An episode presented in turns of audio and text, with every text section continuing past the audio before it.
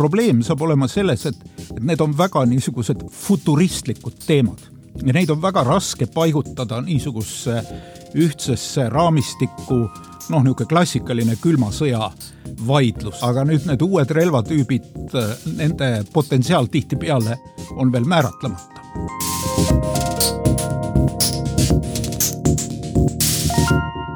Tere jälle siit Tallinnast EBS-i stuudiost, kus lindistame meie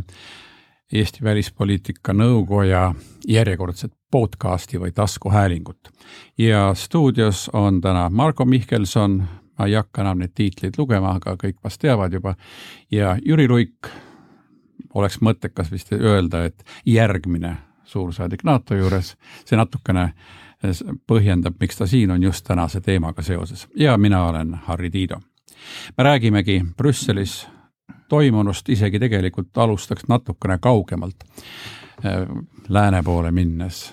G7 tippkohtumisest. asi on selles, et USA nüüdne president Joe Biden tegi reisi vanale kontinendile ja toimus üsna mitmeid kohtumisi, tegelikult võib-olla tema liikumine oligi kogu selle asja keskne telg, sest kõik, kõik sündmused, mis toimusid, olid seotud temaga nii või teisiti ja kõik vaatasid kõige rohkem tema poole. G7 oli mõnes mõttes, ma arvan vist,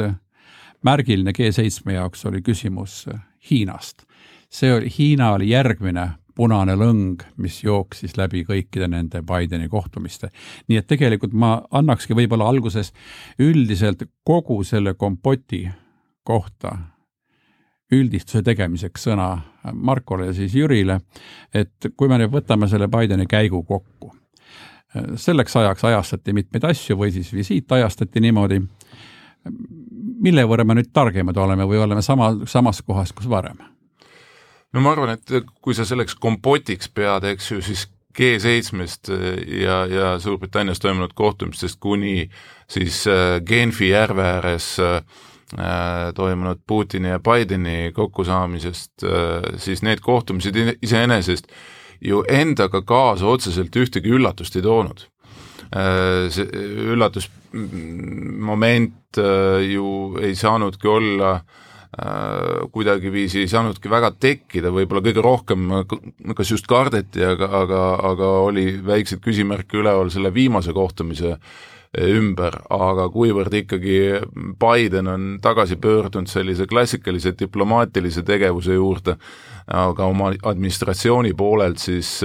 siis see, milline töö ette valmistati nii G7 tippkohtumiseks kui ka eeskätt NATO tippkohtumiseks ja ka, ja ka veel kohtumiseks Euroopa Liidu liidritega, siis selle pinnalt oli ette teada, mis need tulemused tulevad. Et, et kindlasti oli Bideni üks sõnum, et Ameerika on tagasi, Ameerika on liitlasena tagasi, Ameerika on olulise liitlasena tagasi, kes aitab siis kõigis nendes formaatides G7-st NATO, NATO-ni äh, hoida sellist noh, nii-öelda liidripositsiooni ühest küljest, aga teisest küljest ka tuua liitlased kokku äh, Äh, liitlaste ühiste äh, huvide kaitsele, aga vaieldamatult Ameerika Ühendriikide noh, selline keskne teema kõigil nendel kohtumistel ju jooksis ka läbi, mida sa ise selle punase lõnga all silmas pidasid, seesama Hiina teema. ehk siis alates tõesti G7-st kuni isegi teatud määral Putini-Bideni kohtumiseni välja, sest olgem ausad, ega siis ka see strateegilise stabiilsuse dialoogi taotlemine Moskvaga Äh, vähemalt mulle annab märku sellest, et äh, Washingtoni huvi on vältida aktiivset lahingutegevust kahel suurel diplomaatilisel rindel, ehk siis äh, Venemaaga ja Hiinaga samal ajal, selgelt Ühendriikide jaoks Hiina on keskne küsimus. Jüri? ja minu arust see oli oluline visiit, oluline ka Eesti jaoks, sest see rahvusvaheline maailmakord, mida meie peame kõige eh, tähtsamaks eh, julgeolekugarantiiks meile, maailmakord, kus eh, kõige mõjukamad mängijad on demokraatlikud lääneriigid. see on ju võimalik ainult juhul, kui Ameerika Ühendriigid on selles mängus aktiivselt sees. esiteks nad aktsepteerivad, et see kord on olemas, et ta on vajalik, et teda ei ole mõtet lammutada, nagu tegi tihti eelmine president ja et ameeriklastel on vastutus ja juhtroll äh, selle korra hoidmise ja edasiarendamise eest. ja minu arvates äh, selle visiidi üks kõige olulisem element oligi see, et Biden võttis sisse selle niisuguse loomuliku koha, mida me ehk ideaalis alati näeksime Ameerika Ühendriikidel. Äh, selle noh, demokraatliku kogukonna juhina, ega see ei ole kerge seda juhtida, sellepärast et kui sa lähed ise väga jõhkralt peale, siis äh, muutub süsteem kiiresti juhitamatuks. aga Biden äh, kahtlemata ülikogenud poliitiku ja diplomaadina suutis minu arvates nii G7 kohtumise Euroopa Liidu juhtidega kui ka NATO tippkohtumise väga hästi äh, välja mängida. ta ise on öelnud, et et tema jaoks oli kaks väga olulist teemat äh, just kohtumisel lääneliitlastega. üks oli see, et eurooplasi veenda äh, olema tugevamad Hiina küsimuses ja talle tundus, et ta suutis seda teha ja kui vaadata G7-t ja ka NATO tippkohtumise lõppdeklaratsiooni, siis see on ilmselge, et äh, positsioonid on tugevamaks läinud Hiina suhtes. ja teine et ta suutis äh, nii-öelda kõiki lääneriike veenda, et äh, tema kohtumine Putiniga on vajalik, ta korduvalt rõhutas, keegi ei öelnud mulle, et ma ei tohiks või ma ei peaks Putiniga kohtuma, kõik lääneriikide liidrid toetasid seda ja see on, see on ka tõsi. ja, ja siis äh, oli see asi, mida ta pidas oluliseks ja mille mille pinnalt ta siis läks ka sellele noh, võib-olla oma reisi kõige vähemalt, vähemalt meedia jaoks kõige paeluvamale kohtumisele Genfis Putiniga. no enne, kui me selle magustoidu juurde jõuame, see Putin-Bideni kohtumise näol, ehm, ma võtaksin, tegelikult võtaksin laualt maha nüüd selle G7, seal võib-olla, et oligi kõige märkimisväärsem see, et, et suhteliselt tugev sõnastus Hiina teemal ja, ja põhimõtteliselt me võime öelda, et äh, Hiina aitas sellele kaasa, kuna oli kehtestatud mitmeid sanktsioone eurooplaste kohta. Hiina on tundlik teema, sest tegelikult äh, me võime rääkida küll, et see on üsna loomulik, kuna ameeriklased arvavad niimoodi, meie toetame neid ja nii edasi. ei ole nii väga loomulik, et tegelikult on majanduslikke huvi, huvisid päris tugevaid ja, ja me jõuame pärast nende, nende muude dokumentide juurde, siis, siis seal on ühte koma teist ja, ja selles kontekstis ja ka viimase kohtumise, selle magustoidu kohtumise eh, juures on tegelikult Hiina oli vaikselt kogu aeg kusagil seal ruumis, isegi kui kedagi muud ei olnud nii et, et selles mõttes see, see on märkimisväärne, aga Marko? jaa, aga selle G7 puhul panite tähele, Hiina ju kohe reageeris sellele, öeldes, et kuulge sõbrad, et mis te siin äh, kogunete, G7 ei mängi ju enam tänapäevases maailmas seda rolli, mida ta mängis võib-olla seitsmekümnendatel, kaheksakümnendatel või ka isegi veel üheksakümnendatel aastatel ja mis on iseenesest on õige et loomulikult Ameerika Ühendriikide positsioon seal on kõige nii-öelda selgem ja värvikam, aga aga eks, äh, eks sõnumina on see ikka väga oluline, nii nagu Jüri, sa ütlesid, et et see tegelikult, äh, see, et Bideni puhul no ikkagi läänemaailma liidrid on ju kergendatult äh, neid kohtumisi oodanud, et äh, saab pöörata tähelepanu sisule ja keegi ei karda sellele, et tuleb mingisugune eksess seal kohtumisel, noh nii nagu oli G7 kohtumisel viimati selle, eks ju, Kanadas, kus Trump lõpuks keeldus ühiskommunikeele alla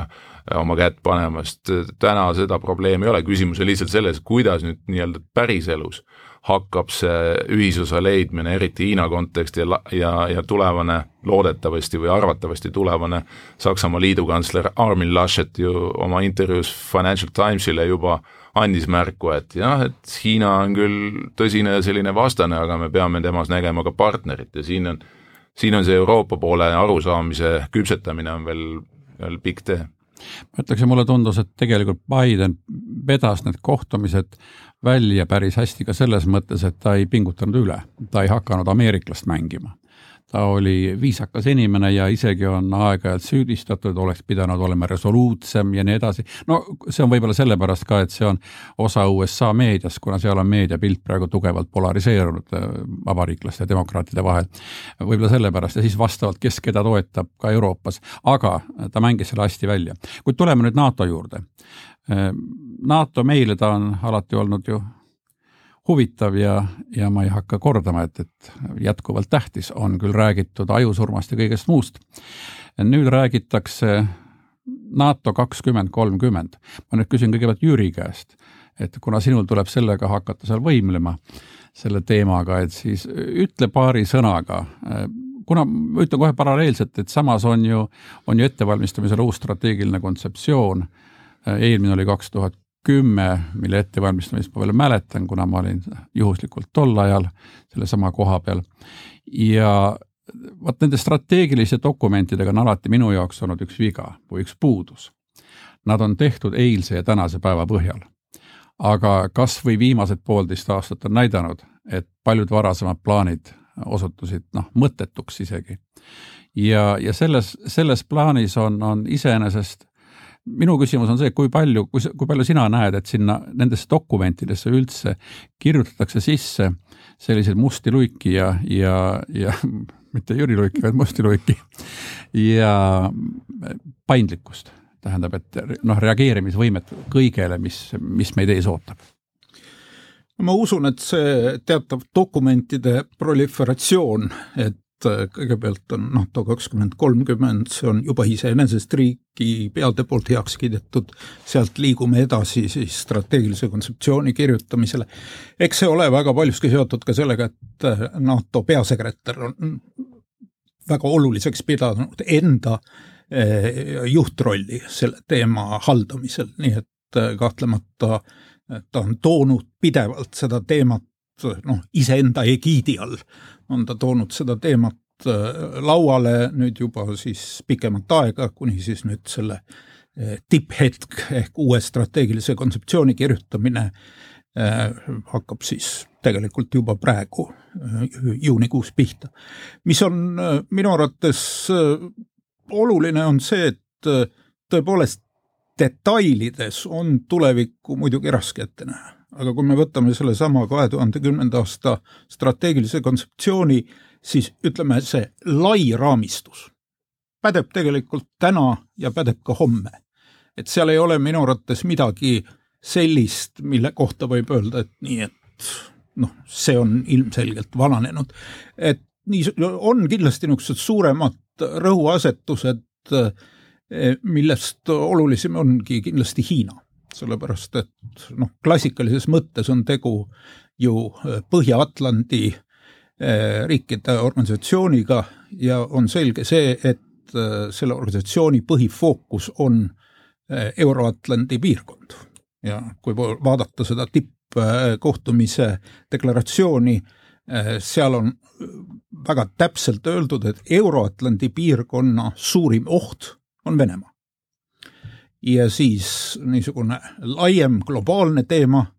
eh, kus ilmselgelt on noh, me kõik oleme siin ühe, ühel või teisel viisil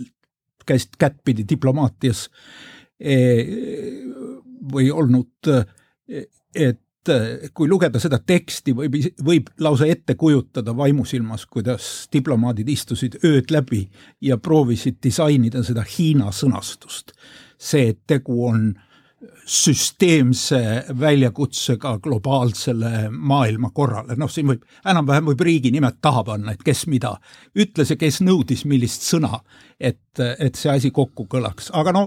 mingi eh, kokkulepe saadi ja ma arvan, et see on teema, millega tuleb kindlasti eh,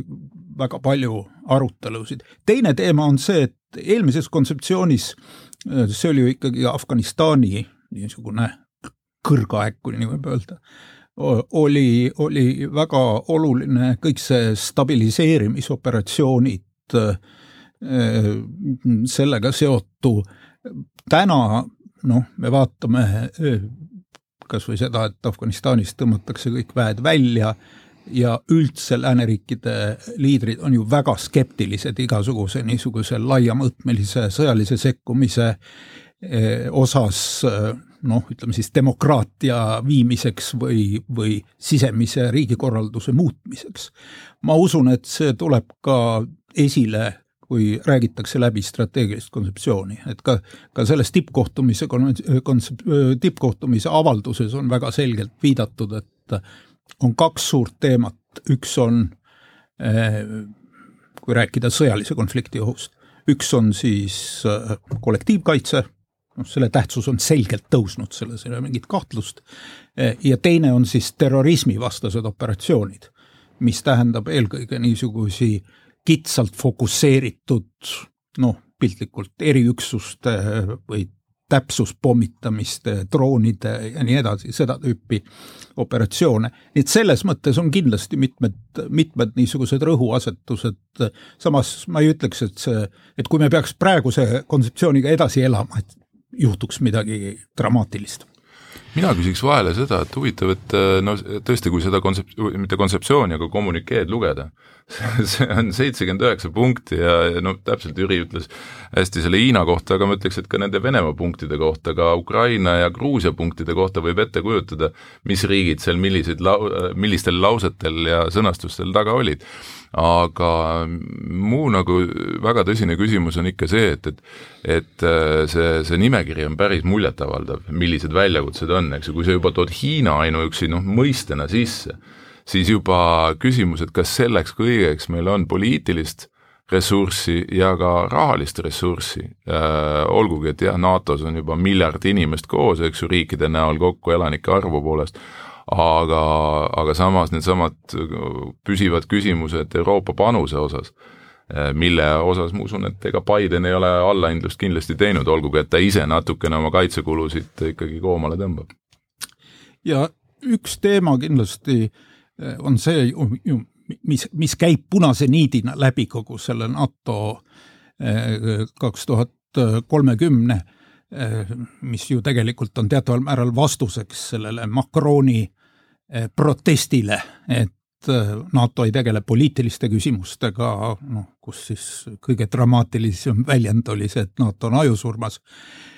nüüd siis räägitakse väga palju sellest, et NATO peab olema poliitiliste debattide foorumiks ja nii edasi, aga noh, nagu sa, Harri, tead, olles seal olnud, väga paljud riigid ei taha tuua NATO-sse poliitilisi küsimusi, sest nad kardavad, et kohe, kui see pannakse sõjalises organisatsioonis laua peale, muutub ta nii-öelda NATO probleemiks. huvitav, kas Macron sellesama kommünikeega nõustudes lõpuks äh, sai aru, kes on NATO vaenlane ja vastane? et ta on ju paar korda siin lisaks selle ajusurma teemale ka tõstatanud küsimuse, et palun, keegi ei ole suutnud mulle ära seletada veel siiamaani, kes on see NATO põhivastane, olgugi et kommünikees, nagu sa, Jüri, ütlesid, on ju selgelt öeldud, mis on Euro-Atlandi välja nagu põhiline oht või kust see läheb? no selles kommünikees on Venemaad mainitud kuuskümmend kaks korda ja Hiinat kümme korda, nii et selline teatav suhe on olemas. ma tooksin mõned punktid siit veel välja tihti ei pöörata nagu tähelepanu sellele, aga sa, Jüri, märkasid ka, et, et see oli, need dokumendid on antud praeguse peasekretäri aetavad asjad. tegelikult NATO-s peasekretäril on täiesti roll olemas. tihti unustatakse ära, öeldakse, et, et suured liikmesriigid määravad ja, ja peasekretär on nagu ametnik. ei ole peasekretäril on võimalik jätta väga tugev näpujälg kõigele peale. mis puudutab aga nende dokumentide koostamist, jah, eks minul küll oli asetäitja, kes harilikult istus öösiti seal, mina magasin sel ajal. ma arvan, et ma soovitan sulle, et tee samuti. ja, ja samas ma olen tihti mõtelnud, et kuidas küll esimesed NATO dokumendid koostati. sest praegu on üks põhiline tees, mida öeldakse, hea küll, pöördume tagasi kokkulepitud teksti juurde aastast tuhat üheksasada, tuhat kahe või tuhat üheksasada viiskümmend kaheksa või midagi sellist. ja esimene NATO alusdokument kirjutati nii, et ei olnud millelegi viidata. ja sellepärast on see kõige lühem ja sellepärast on tegelikult see kõige parem. isegi kui sa jätaksid praegu kõrvale kõik need hilisemad strateegilised kontseptsioonid ja läheksid tagasi selle algdokumendi juurde, sellega saaks suurepäraselt hakkama vot selles ongi see nende strateegiliste kontseptsioonide viga, nad hakkavad kordama ja igaüks tahab sinna juurde oma jõuluehte panna, selle kuusekese külge, nii et see on üks oht, teatav oht. mis puudutab Hiinas, Hiinat, tegelikult äh, Hiina näeb maailma natukene teistmoodi, sest Hiina näeb maailma oma ajaloo läbi, nii nagu meie vaatame läbi euro, noh nüüd Euro-Atlandi, aga põhimõtteliselt läbi Euroopa ajaloo. ja Hiina on tegelikult läbi aegade olnud ju suurriik, ta on impeerium, ta on olnud juhtriik, ainus riik ja nii edasi. nii et nad lihtsalt ronivad oma või lähevad oma tuttavlikule kohale ja tegelikult ma arvan, et võiks see kunagi olla eraldi teemaks see vöö ja tee, mis tegelikult omab ka väga tugevat julgeolekumõõdet, millele harilikult tähelepanu ei pöörata, räägitakse võlgadest ja kõigest muust. aga selles mõttes see on NATO-le täiesti teema mida tasub äh, vaadata ja ma meenutan, et oli ka, olid ka Vene mereväeõppused Balti meres, kus oli Hiina sõjaväelaev.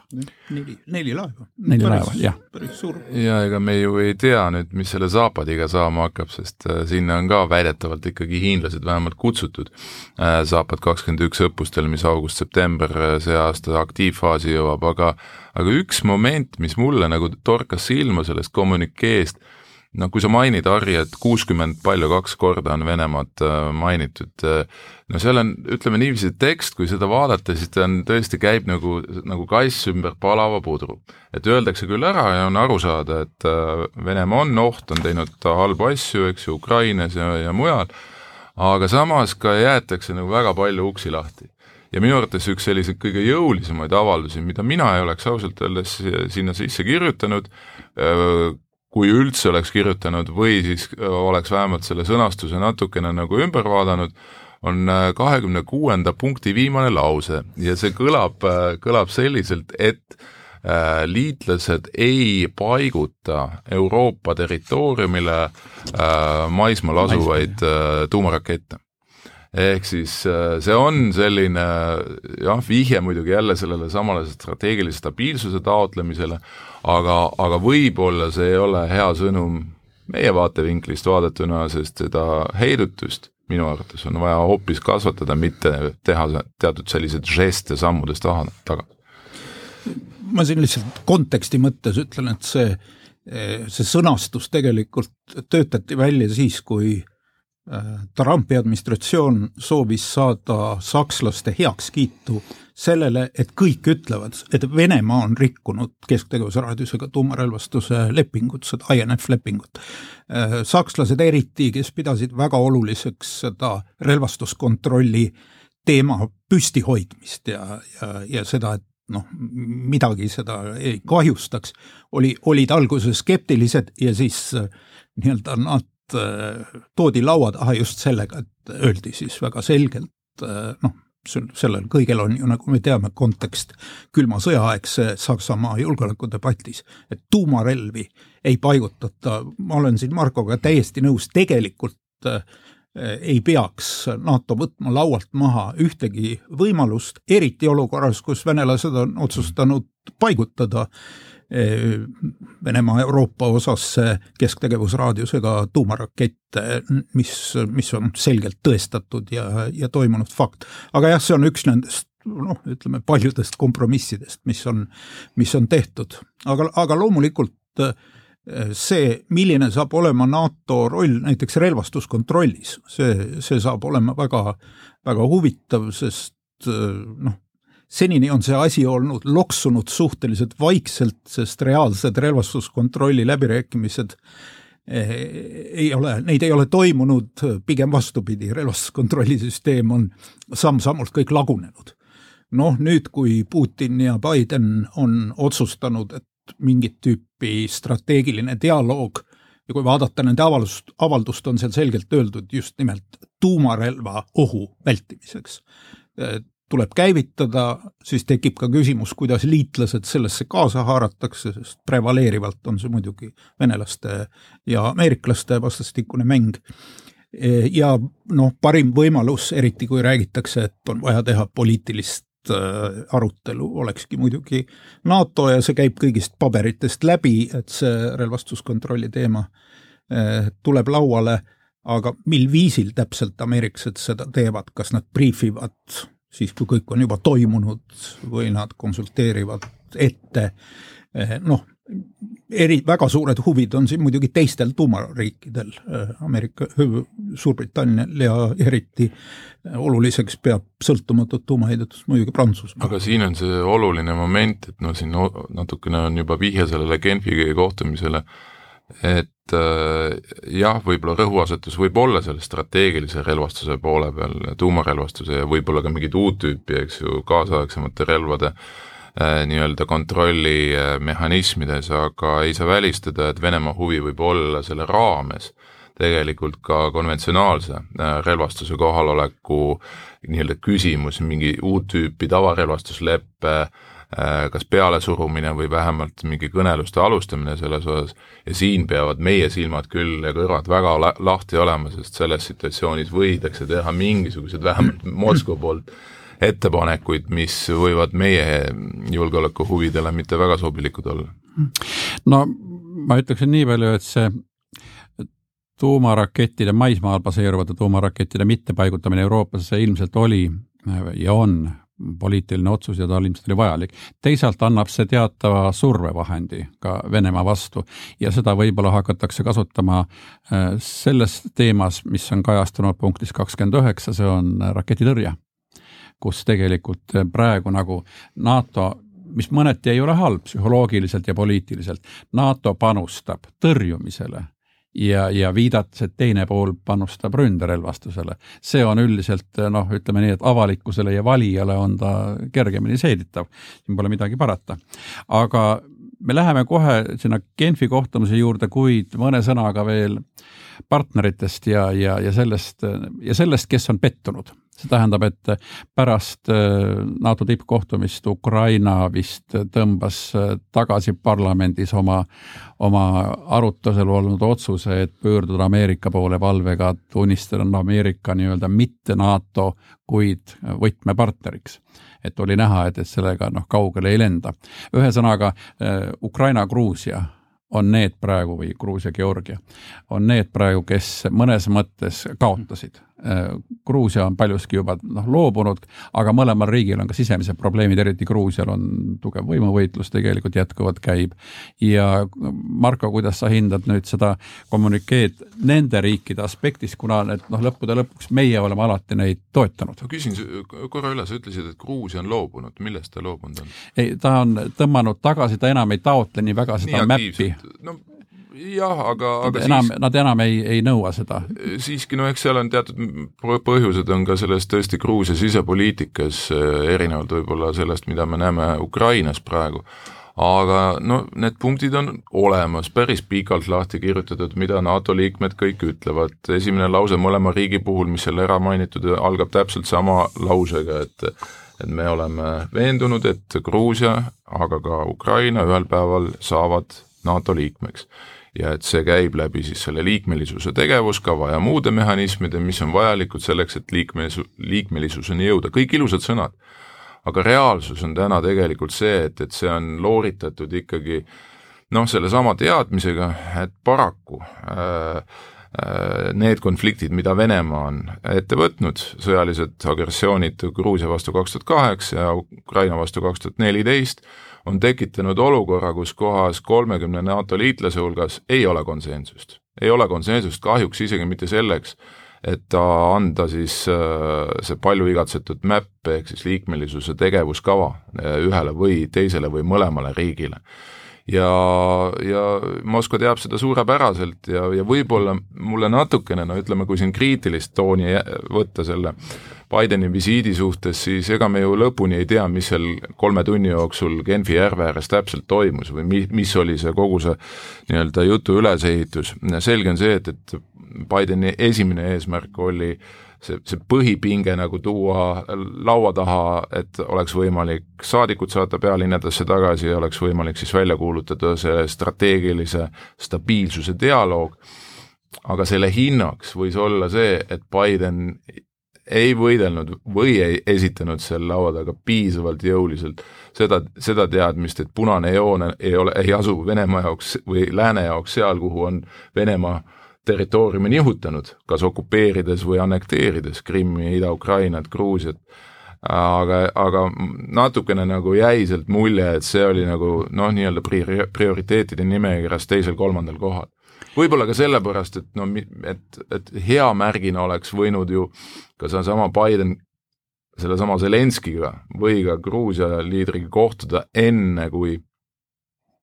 enne kui ta läks äh, Genfi äh, järve äärde. aga noh, need on, need on agad et.... no jaa, aga, aga tegelikult kui me vaatame, siis Bideni jaoks äh, Gruusia ja Ukraina ongi teisel kohal. vahepeal on isegi mitte teisel kohal, vaid kolmandal-neljandal kohal kuskil, vahepeale tuleb palju asju, tegelikult see strateegilise relvastuse küsimus, mis üldiselt globaalselt on tähtsam, olgem, olgem ausad, meid huvitab ka rohkem see, et ei oleks tuumasõda, kui see, et homme saaksid Gruusia ja Ukraina NATO liikmed. aga siin võib olla, see võib olla selline teatud mõttes nagu bumerang, bumerangi efektiga, sellepärast et teatud määral see on äh, nagu Bukaresti äh, tippkohtumise selline vale sõnum, et okei okay,, meil on tähtsamad teemad, on seesama strateegiline stabiilsus, et jumala pärast kunagi tuumasõda ei tuleks, eks ju. aga nii-öelda Venemaa tegevus oma kujutletavas impeeriumis on äh, pooleldi nagu noh, mitte rohelise tulega varjundatud, aga aga väga ebaselge punase joone. selles mõttes, et meile kui, kui Ukraina ja Gruusia äh, suurtele sõpradele on, on täiesti selge, et neile võiks sellistel tippkohtumistel anda palju rohkem, kui neile antakse kindlasti ka mapp kuid samas noh, kui me kujutame ette, et eh, selle, selle mängu minu arvates üks võtmetähtsusega element on see, et korratakse üle Bukaresti otsus. sest see on see, mis aitab eh, viia kohale venelastele, et eh, tegelikult Ukraina ja Gruusia võetakse NATO-sse, jah pärast seda on tsiteeritud ka järgmise välisministrite eh, nõupidamise otsust, mis ütleb, et see tee viib läbi mapi. aga, aga põhimõtteliselt see Bukaresti sõnastuse hoidmine, see on minu arust eh, ülioluline. ja kui vaadata Vene meediat, siis tegelikult seda on tähele pandud ja, ja seda, et, et Biden nagu ei loobunud otsesõnaliselt eh, Ukraina NATO pürgimustest, et seda ma ei tea, mida siis venelased arvasid, aga, aga seda on nagu, seda on nagu Vene meedias eraldi, eraldi mainitud. ma arvan, et seda USA-Ukraina poliitikat tuleb vaadata tervikuna. NATO on üks element, NATO-s tihtipeale on asju, mida ei ole võimalik teha, kuna on vaja konsensust, kuid samas noh, heidutusena toimib muidugi NATO tegevus ja ameeriklaste kahepoolne tegevus koos. ja no ütleme, need sammud, mida Bideni administratsioon võttis ette siis, kui ikkagi oli otsene sõjaline oht Venemaa poolt. okei okay,, see kõik oli tehtud nii-öelda niisuguses hallis tsoonis, aga kas või nii-öelda Euroopas asuvate USA vägede valmisoleku tõstmine ja palju-palju muud väga teravad avaldused Pentagoni State Departmentist. ausalt öeldes tehti palju rohkem, kui ma arvasin, et ameeriklased kavatsevad teha. et ma usun, kontekstis tegelikult ukrainlased ei peaks olema masenduses sellest, et me praegu ei suuda, hetkel ei suuda teha kokkulepet selle mapiga seoses, sest põhiline ja sellele on ka Biden tähelepanu juhtinud, on tagada, et äh, Ukraina suudaks äh, ennast äh, sõjaliselt kaitsta vastase vastu. siin on nüüd viimasel, viimastel päevadel tekkinud see teema ühe teatud relvasaadetise peatamisega Ukrainale. siin on nagu mitu eri versiooni, mis õieti toimus, ameeriklased ütlevad, et see relvasaadetis oli mõeldud lisaks kõigele sellele, mida kongress on juba Eh, eraldanud Ukrainale ja oli mõeldud just nimelt selle eh, ähvarduse, Vene ähvarduse heidutamiseks. ja et eh, noh, umbes, et see oli valmisolek ja seda nagu ei, ei peakski otseselt saatma. no on ka loomulikult teisi versioone, et see oli kuidagi seotud tippkohtumisega ühel või teisel viisil, vähemalt administratsioon on selle ühemõtteliselt ümber lükanud. aga need relvastuse teemad on minu arust üliolulised, see, et me anname Ukrainale ja noh, me anname põhimõtteliselt, me räägime ikkagi suurriikidest, eelkõige Ameerika Ühendriikidest, anname neile reaalsed võimalused enda kaitsmiseks,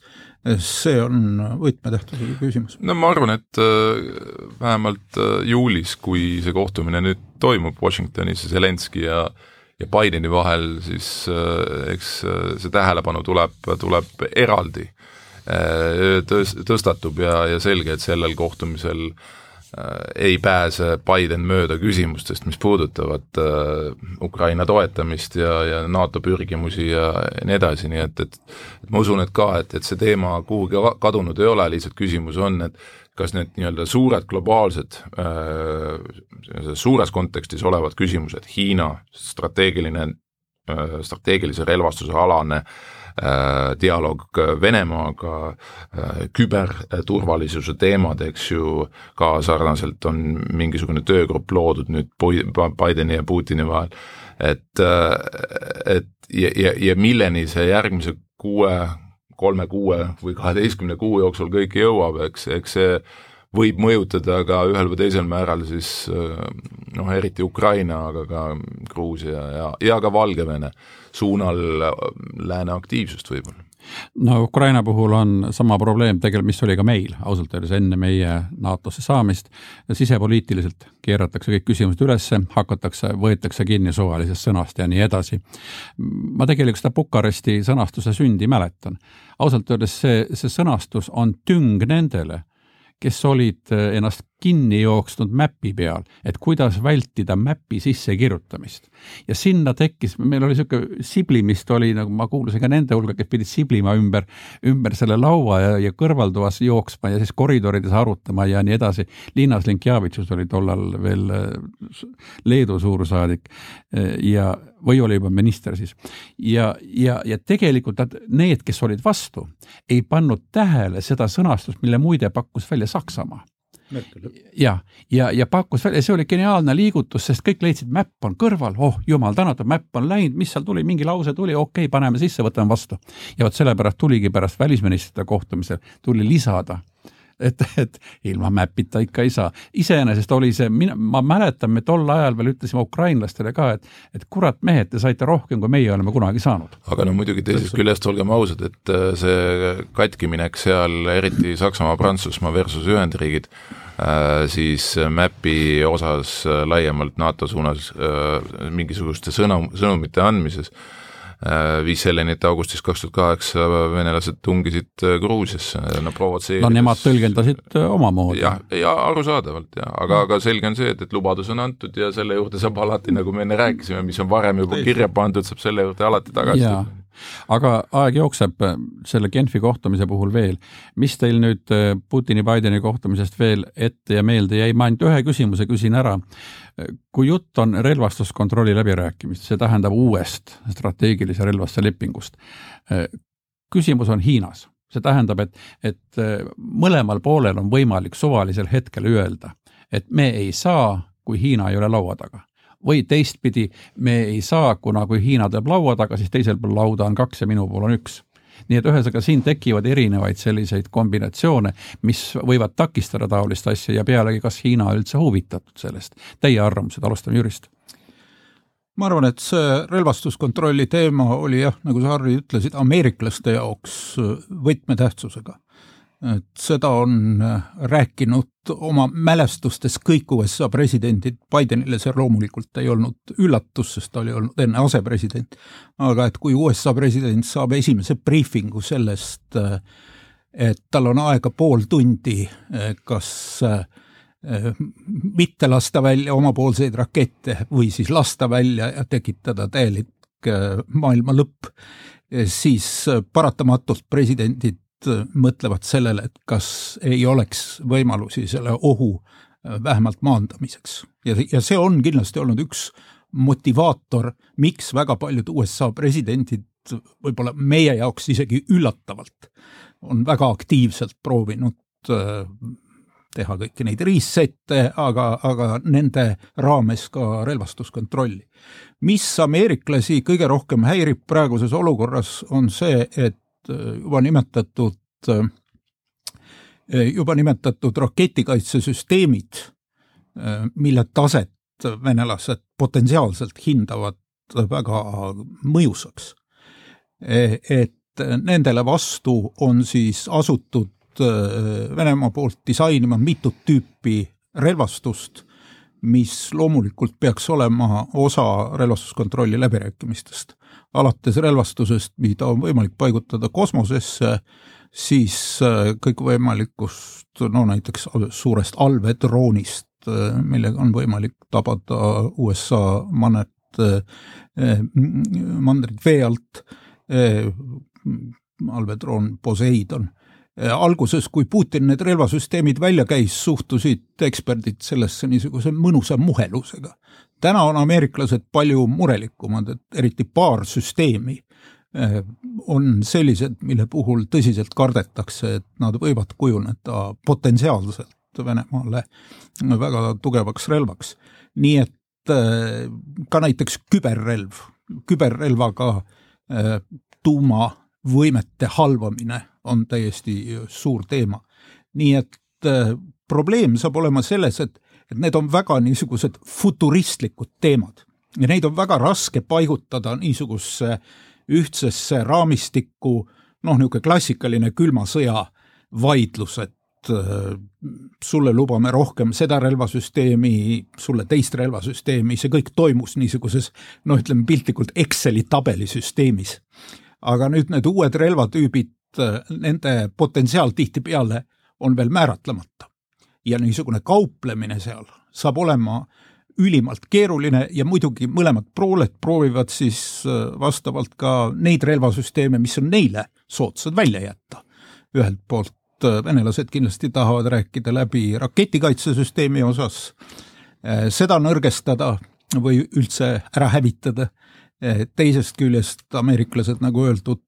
tahavad Äh, kindlasti piiranguid ründerelvastuse osas. nii et need tulevad isegi ilma Hiinata, isegi kui ameeriklased ja venelased, nagu võiks arvata sellest viimasest kahepoolsest avaldusest, alustavad läbirääkimisi kahepoolselt. isegi sellisel juhul äh, kõik need muutused, mis on toimunud relvastustehnoloogias, äh, saavad olema päris suur pähkel, et kuidas seal, kuidas seal seda vahetuskaupa õieti teha jah, kuidas seda teha ja mis selle hinnaks lõpuks kujuneb ka, sest et ma arvan, et see, mis sa ütlesid, et presidendid on saanud nagu briifinguid ja selle peale kohe nagu natukene kas ehmunud või siis oma, oma poliitikat kas muutnud, oma algseid plaane tähendab muut-, siis ma mäletan, et Reagan, kui ta selle briifingu sai, siis ta kuulutas välja tähesõdade programmi, et kuidas need raketid enne alla tuua, kui, kui nad jõuavad nii-öelda USA kohale, aga, aga jah, et, et siin on suur küsimus ikkagi, et, et see, et, et Biden sellele kohtumisele läks, võib öelda, et noh, demokraatide selline võib-olla tüüpiline hoiak, et räägime läbi, oleme diplomaatilised, võib-olla ei pingesta olukord, ei eskaleeri Äh, sest et äh, noh, oht äh, ikkagi Ukraina ümber oli ja ega ta kuhugi kadunud ei ole. et selles suhtes ja, ja kindlasti ma olen nõus, mis Jüri ütles, et, et need uued relvasüsteemid on selgelt Venemaal viimastel aastatel välja arendatud viisil, mis, mis kujutavad Ühendriikidele päris tõsist ohtu või vähemalt häirivad neid väga väga märkimisväärselt ja, ja selles suhtes loomulikult, kui kuulutada välja see nii-öelda kõneluste algus, strateegilise äh, relvastuskontrolli kõneluste algus, siis on teada, et sellega läheb väga pikk aeg. et see ei ole nagu kahe-kolme või poole aasta, kahe-kolme kuu või poole aasta teema, et see võib olla mingisugune viis aastat ja nii edasi ja lootus on, et selle raames on võimalik nii-öelda seda äh, seda üldist julgeolekupoliitilist olukorda paremini kontrollida, vähemalt ennetada siis mingisuguseid ettearvamatuid arenguid, äh, mis võivad viia siis väga tõsise konfliktini, kaasa arvatud ka tuumakonfliktini. aga teisest küljest, mis mind ikkagi nagu selle kohtumise puhul natukene nagu no ma, vähemalt ma ei saanud vastuseid äh, Bidenilt äh, ja, ja ma eeldan, et ega neid lihtne ei olegi anda on Biden on ju väga palju rääkinud ka demokraatiate tippkohtumisest ja, ja, ja pööranud tähelepanu inimõigustele ja, ja rõhutanud, et et selles vallas on ikkagi Ühendriikide positsioon tagasi, sest Trump ju neid termineid eriti oma valitsemise ajal või presidentuuri ajal ei kasutanud. aga samas noh, ikkagi kui kõlavad avaldused, et, et, et juhul, kui Navalnõi peaks surema vanglas, no esiteks, miks üldse Navalnõi on vanglas? Et miks me ei kuulnud Ameerika Ühendriikide presidendilt äh, selgelt sõnumit, et Navalnõi tuleb vabastada, sest ta on meelsusvang, ta on poliitiline vang, samamoodi nagu sajad või tuhanded vangid Valgevenes ja Venemaal. või et, äh, et see, kuhu Venemaa liigub oma sisemiste arengutega, on üliohtlik ka maailma julgeolekule, et diktatuuri nii-öelda tugevnemine ei, ei ole midagi, mis mis seda julgeolekut tugevdaks või ka lõpetuseks siis see, et, et Ukrainast tuleks lahkuda siis on nii-öelda Euroopa julgeolek ja stabiilsus palju, palju veenvam, aga selge on see, et, et et siis tekivadki see prioriteetide küsimused ja nähtavasti admis-, administratsiooni jaoks Washingtonis on täna on olulisem see, et tuua venelased siis läbi strateegilise dialoogi laua taha ja vaadata, kas seda on üldse võimalik tänases situatsioonis teha? No nendest äh, teemadest, mida Biden nagu ei, piisavalt ei, ei rõhutanud, käis Putin oma pressikonverentsil üle ja tegi kõik selgeks, et tegelikult Ameerikad ise, kasutades põhiliselt sõnu nagu siga, loll ja süüdi, et, et neil omal on kõik mäda ja, ja ei maksa siin üldse mögiseda. aga minule jäi muidugi ka mõni küsimärk jäi, tegelikult mulle ei meeldi lõplikud nimekirjad. kui Biden esitas kuusteist valdkonda, kus ei tohi teha küberrünnakuid ja tuleb seitsmeteistkümnendas valdkonnas ja venelased ütlevad, aga sorry, aga ta ette pergele, et, et ei ole nimekirjas noh, milles küsimus. nii et ja pealegi jäävad need tõlgendusvõimalused. Putin tegi veel ühe tähelepanuväärse märkuse oma pressikonverentsil, ta ütles, et noh, mõlemad pooled nägid teise poole punaseid jooni siis mulle meenus äh, Venemaa definitsioon punastest joontest. punased jooned on seal, kuhu me nad tõmbame vaatame selja taha ja tõmbame, et seal tegelikult oli punane joon. kuidas need on võimalik näha, eks? jah, täpselt, kuidas need on võimalik näha. nii et neid küsimärke on päris palju ja meie aeg on läbi, siis ma ei hakka eriti rohkem äh, kuulajad vaevama, mõtelgu ise edasi ja, või lugegu edasi, kui mõtelda ei suuda. aga aitäh, Marko Mihkelson, Jüri Luik ja mina, Harri Tiidon, täname kõiki, kes viitsisid kuulata. meie igatahes lindistame seda jälgilt kuumal päeval või õhtupoolikul, loodetavasti läheb ilm inimlikumaks. Kuulmiseni.